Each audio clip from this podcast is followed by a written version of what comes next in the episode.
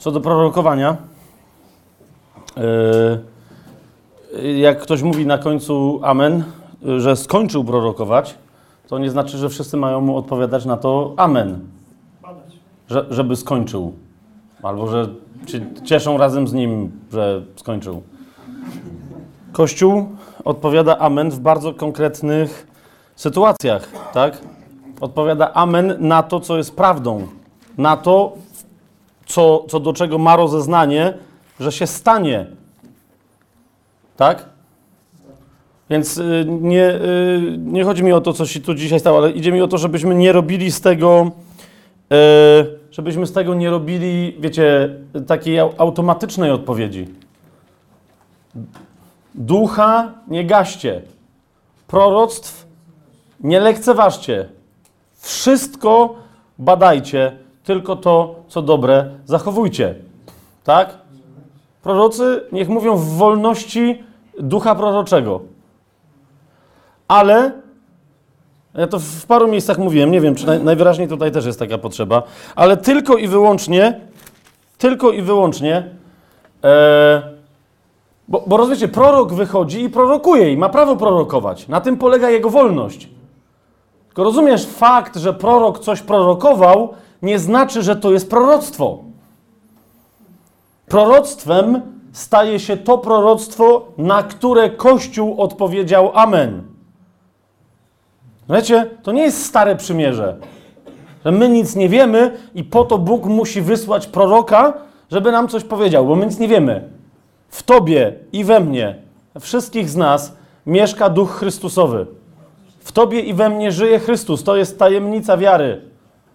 Jedna z naszych tajemnic wiary. Jeżeli w Tobie żyje Chrystus, to żyje ten sam Chrystus, który na ziemi objawił się jako prorok, jako kapłan i jako król.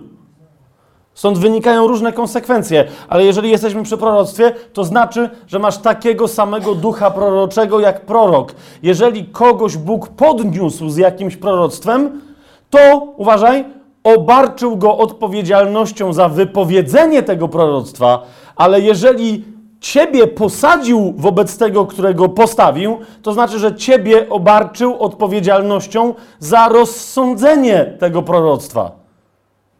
Rozumiesz? Za posłuchanie go i odkrycie w swoim sercu, czy to ci rezonuje. Czy możesz na to proroctwo odpowiedzieć Amen? W drugim liście do Koryntian,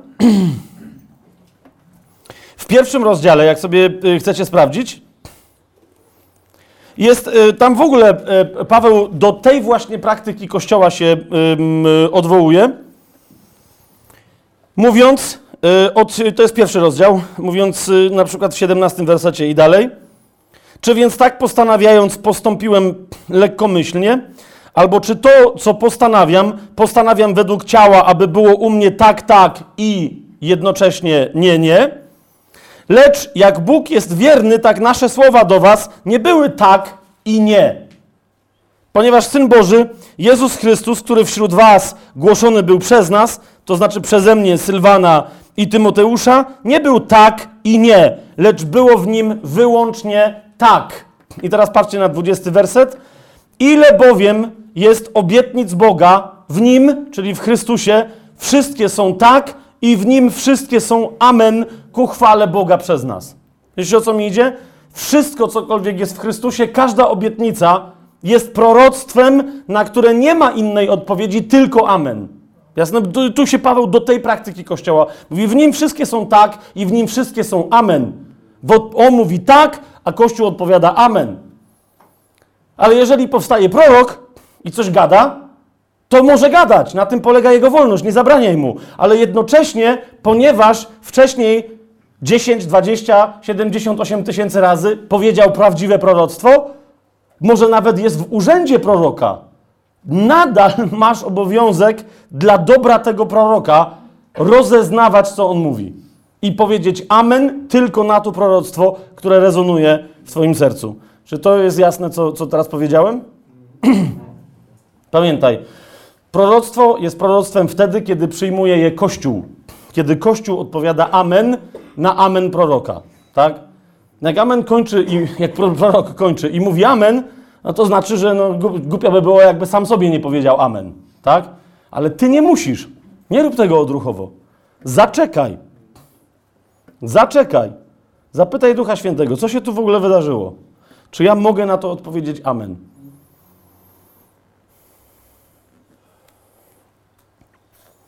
Dlatego dziś jest tak mało proroków, wciąż za mało prawdziwych proroków w kościele, bo jest za mało tych, którzy z rozeznaniem i z odpowiedzialnością mówią amen na proroctwa. Tych Bóg podniesie jako następnych już wkrótce, za parę tygodni, miesięcy i lat. Tych Bóg podniesie jako wielkich proroków, którzy dzisiaj wezmą odpowiedzialność za usłyszane proroctwa i powiedzą amen wtedy, kiedy w duch w sercu im powie powiedz amen i nie powiedzą amen wtedy, kiedy nie odbiorą, że to, co powiedział prorok, było od Boga. 21 i 22 werset. Tym zaś, który utwierdza nas razem z wami w Chrystusie i który nas namaścił, jest Bóg, który też zapieczętował nas i dał do naszych serc ducha jako zadatek. Do których serc? Do wszystkich tych, którzy są zapieczętowani. Tak? Do wszystkich, do serc wszystkich tych, którzy są zapieczętowani. Nie wiem, e, nie, nie wiem w jakich e, kościołach, jak się modlicie, czy, ale jeżeli tam e, dar proroctwa się pojawia, to pamiętajcie o tej zasadzie. Ducha nie gaście, proroctw nie lekceważcie, ale co to oznacza? Nie, że wszystkie przyjmujcie. Nie lekceważyć oznacza brać na poważnie ich rozeznanie. Wszystko badajcie, a co dobre zachowujcie. Jeżeli gdzieś, bo jest jeszcze druga taka opcja, jeżeli gdzieś z jakiegoś powodu nie ma daru proroctwa, to zobaczcie pierwszy do Koryntian 14 rozdział. Bo niektórzy mówią, miłość jest najważniejsza. Absolutnie tak. Jakże mogłoby być inaczej? Tylko miłość. No nie zmienia faktu, że ten, który pierwszy głosił miłość, jak niewielu innych przed nim i po nim, czyli Paweł, pierwszy do Koryntian 14 rozdział, powiedział: Dążcie do miłości, na tym samym wydechu, rozumiecie? Powiedział: dążcie do miłości, starajcie się usilnie o duchowe dary, a najbardziej o to, żeby prorokować. Pierwszy do Koryntian 14 rozdział, pierwszy werset. Dążcie do miłości. Absolutnie. Starajcie się usilnie o duchowe dary. Kolejna rzecz. Wiecie, to znowu a propos dyskusji e, z różnymi ludźmi, którzy dzisiaj powstają i mówią, że nie ma darów duchowych że się skończyły w czasach apostolskich, że apostołowie jeszcze mieli potem coś tam, no to w takim razie do kogo pisał Paweł ten list do Koryntian? Do jakiegoś apostoła z jakąś tam drugą apostołką i to była, była ta dwójka apostolskich Koryntian, czy do kogo? Czy też czternasty rozdział jest do tych samych ludzi, których wcześniej Paweł ruga, że cały czas są jeszcze cieleśni, bo się kłócą, że, że, że, że wszeteczeństwo u nich jest niespotykane. Tak? Bo, bo jeden żyje z, z, z żoną swojego ojca. Na oczach całego kościoła i tak dalej. Do tych samych ludzi, żadnych apostołów. Tak? Świętych, bo usprawiedliwionych krwią Chrystusa, nie swoją żadną zasługą. Do nich Paweł mówi: dążcie do miłości. Starajcie się usilnie o duchowe dary, a najbardziej o to, żeby prorokować. Jeszcze raz, Koniec już. Koniec. Koniec z kpinami i z żartami w ciele Chrystusa na temat prorokowania, które polegają na tym, że tolerujemy proroctwa, które są bełkotem. Rozumiecie? Bo dlatego niektórzy ludzie nie chcą prorokować, bo inni chrześcijanie przychodzą i mówią, daj spokój, to wiesz, to były głupoty jakieś. I przyznajcie, że słyszę, Przyzna... Nie musicie przyznać, ja wam przyznam. Często słyszałem takie głupoty. Znaczy w sensie, nie chodzi o to, że głupoty, czasem to były, wiecie, piękne słowa, tak? Ludu mój, nie wyście mnie wybrali, ale ja was wybrałem. I taki, wiecie, profesjonalny cytat z Pisma Świętego jest zawsze dobry. Rozumiecie, nie ma możliwości, żeby kiedyś nie trafił. Tak? Tylko chodzi mi o to, że za chwilę Kościół odpowiada amen, no bo tak w sensie, jak nie powiedzą, to co się z Pismem Świętym nie zgadzają? Jeszcze z takim? Nie wyście mnie wybrali, ale ja was wybrałem. Amen, ale jakby, no ale co dalej? Rozumiesz? I teraz następny y, szczeli Bóg jest miłością. No nie powiesz amen na to, ale jakby serio? Musisz powstać jako prorok i po prostu nie możesz powiedzieć 1 Jana 4,18, nie możesz tak powiedzieć. Znacie ten kawał o tym, nie? że jak się spotykają specjaliści od kawałów i w ogóle sobie nie opowiadają tych kawałów, tylko mówią numery, nie? 31. Następny mówi 712, wszyscy. I gość mówi, a to ja znam jeden. 46. Wszyscy, wszyscy cisza. Nie wiem, co, nie znacie go? Nie, znamy, tylko ten trzeba umieć opowiadać.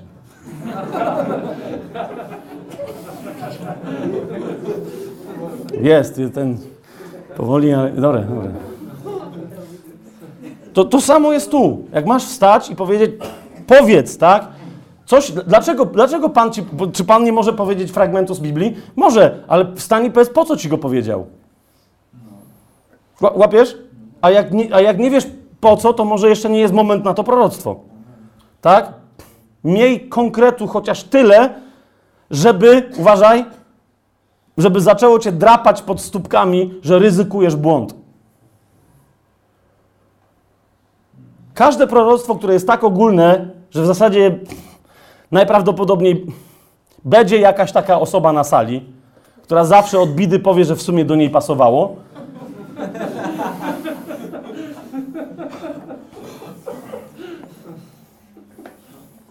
Czternasty rozdział, pierwszy do Koryntian dalej, czternasty rozdział. Dwudziesty trzeci werset. Jeśli więc cały Kościół zbiera się w jednym miejscu i wszyscy mówią innymi językami, a wejdą tam nieuczeni albo niewierzący, czy nie powiedzą, że szalejecie? Normalne. Znam takich ludzi, którzy przyszli na, wiecie, genialną modlitwę zielonoświątkową, się tak wyrażę, tak? W najlepszym wypadku jeden dziadek wyszedł i mówi, ja nie znam łaciny, także...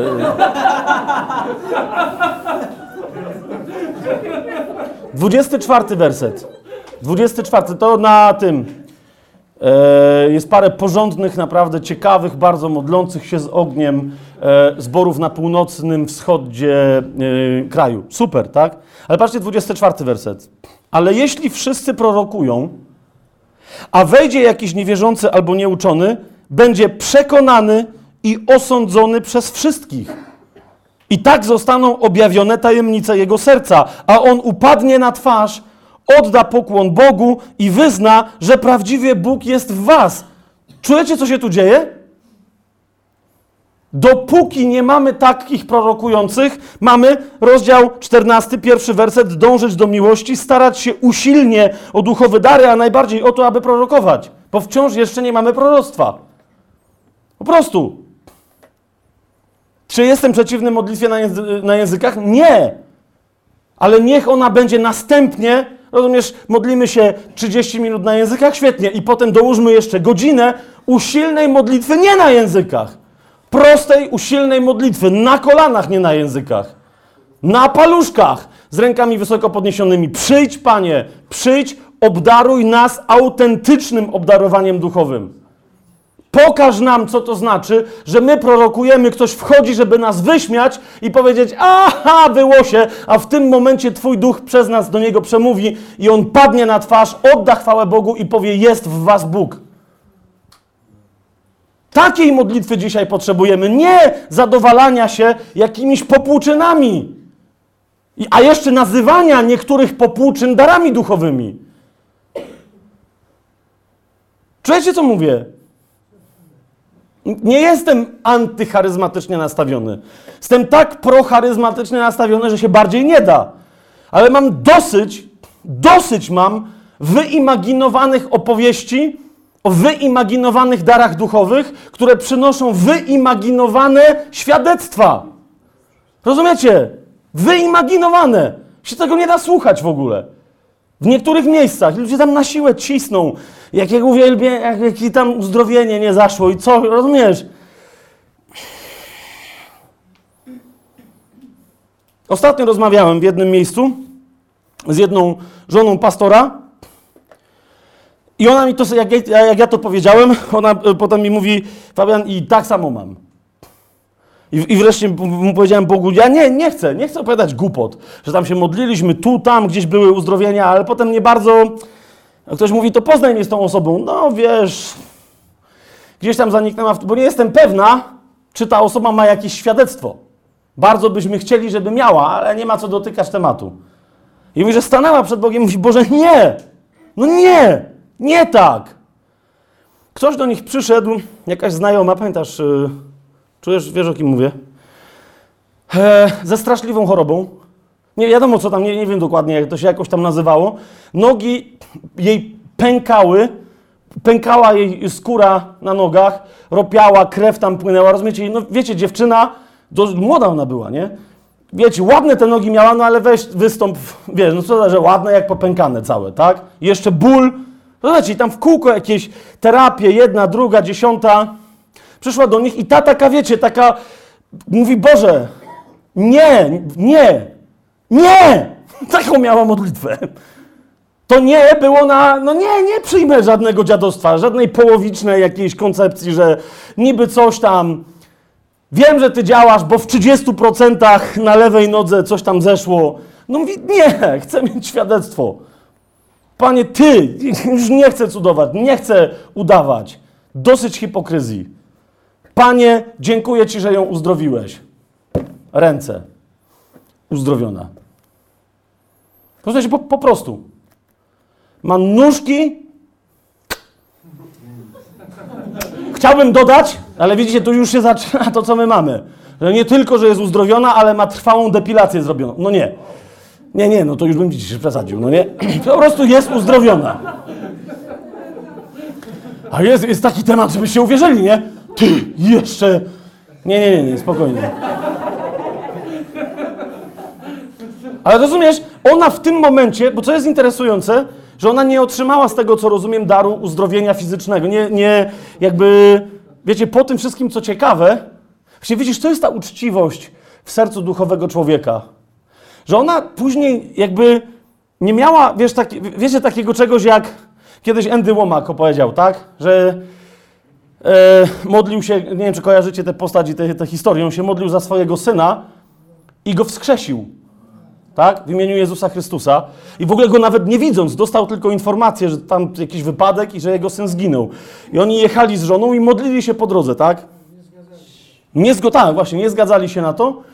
I ten syn wstał, tak? Przestraszył gości w prosektorium, no bo wiecie, oni już go tam chowali, a ten tam wstał i mówi, co się dzieje. Ale po tym wszystkim, łom... nieważne co tam kto myśli o łomaku, tak? Mi tylko chodzi o tą jedną konkretną historię. Po tym wszystkim łomak się podpalił i mówi, że no to jak już wskrzesiłem, rozumiesz, tak? To czego ja teraz nie zrobię? No i nic nie zrobił następnie przez dosyć długi czas. Nie mógł nikogo, rozumiecie, modląc się, nie było żadnych uzdrowień. Bo to nie tak działa. Ta konkretna siostra po tym uzdrowieniu uradowała się. Dlaczego?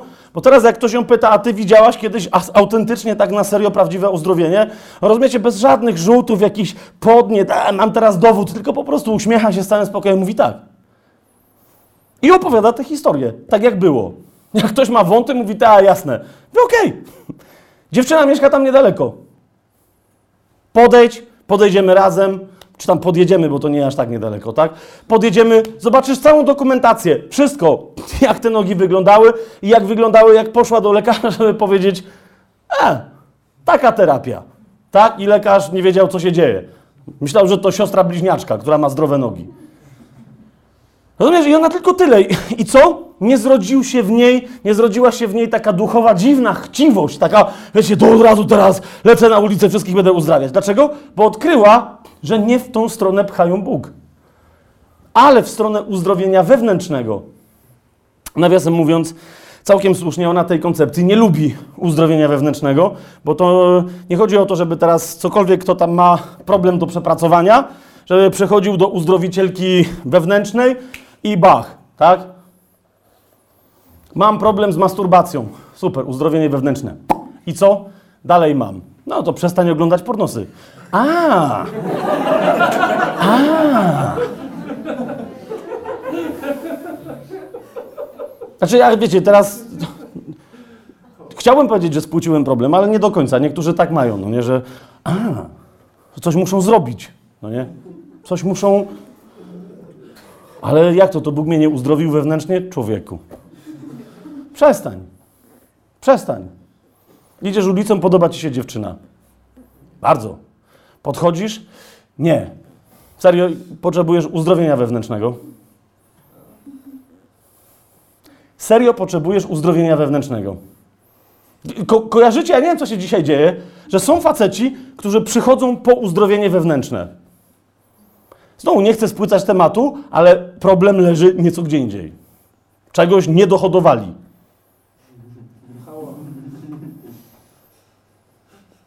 Śmiałość, odwaga. Nie dał nam Bóg ducha bojaźni, ale mocy, miłości, wstrzemięźliwości, trzeźwego myślenia, tak? Jakich uzdrowień potrzebujesz, zamiast po prostu powiedzieć nie moc, nie siła, ale Duch Święty i idziesz? Mały David Wilkerson był prześladowany przez jakiegoś chłopa. Pamiętacie tę historię? Kto, kto kojarzy Davida, to widzę, że kojarzysz. Jak, jak był jeszcze w szkole, tak? Jakiegoś tam, ktoś go tam prześladował, jakiś taki, wiecie, osiłek, tak? I do niego jako do takiego szczela dotarło w momencie, kiedy się nawrócił, bo on się dosyć wcześnie nawrócił. Mówi, że ale zaraz. Co w ogóle ja się, dlaczego ja się mam bać? Wreszcie wiecie, jemu nie chodziło o to, żeby mu wczepać, tylko żeby się nie bał, tak? I następnego razu, jak szedł, uli- on mówi, że zawsze go unikał, tak?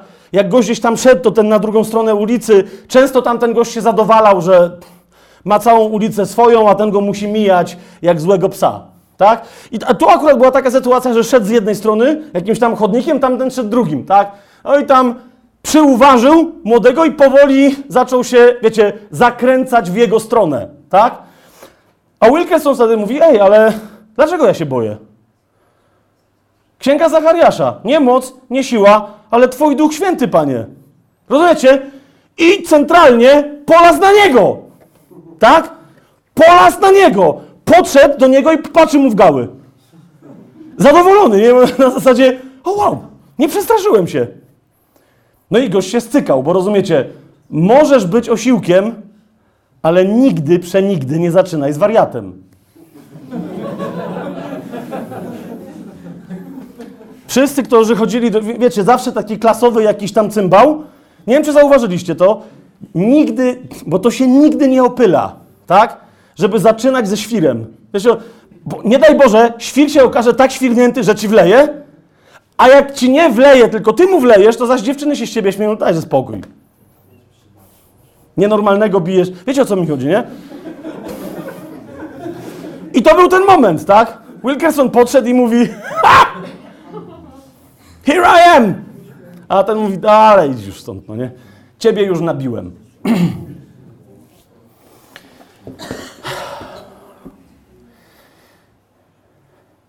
I jeszcze, yy, yy, jeszcze mam wam do opowiedzenia coś, co mniej więcej zajęłoby przynajmniej 7 godzin.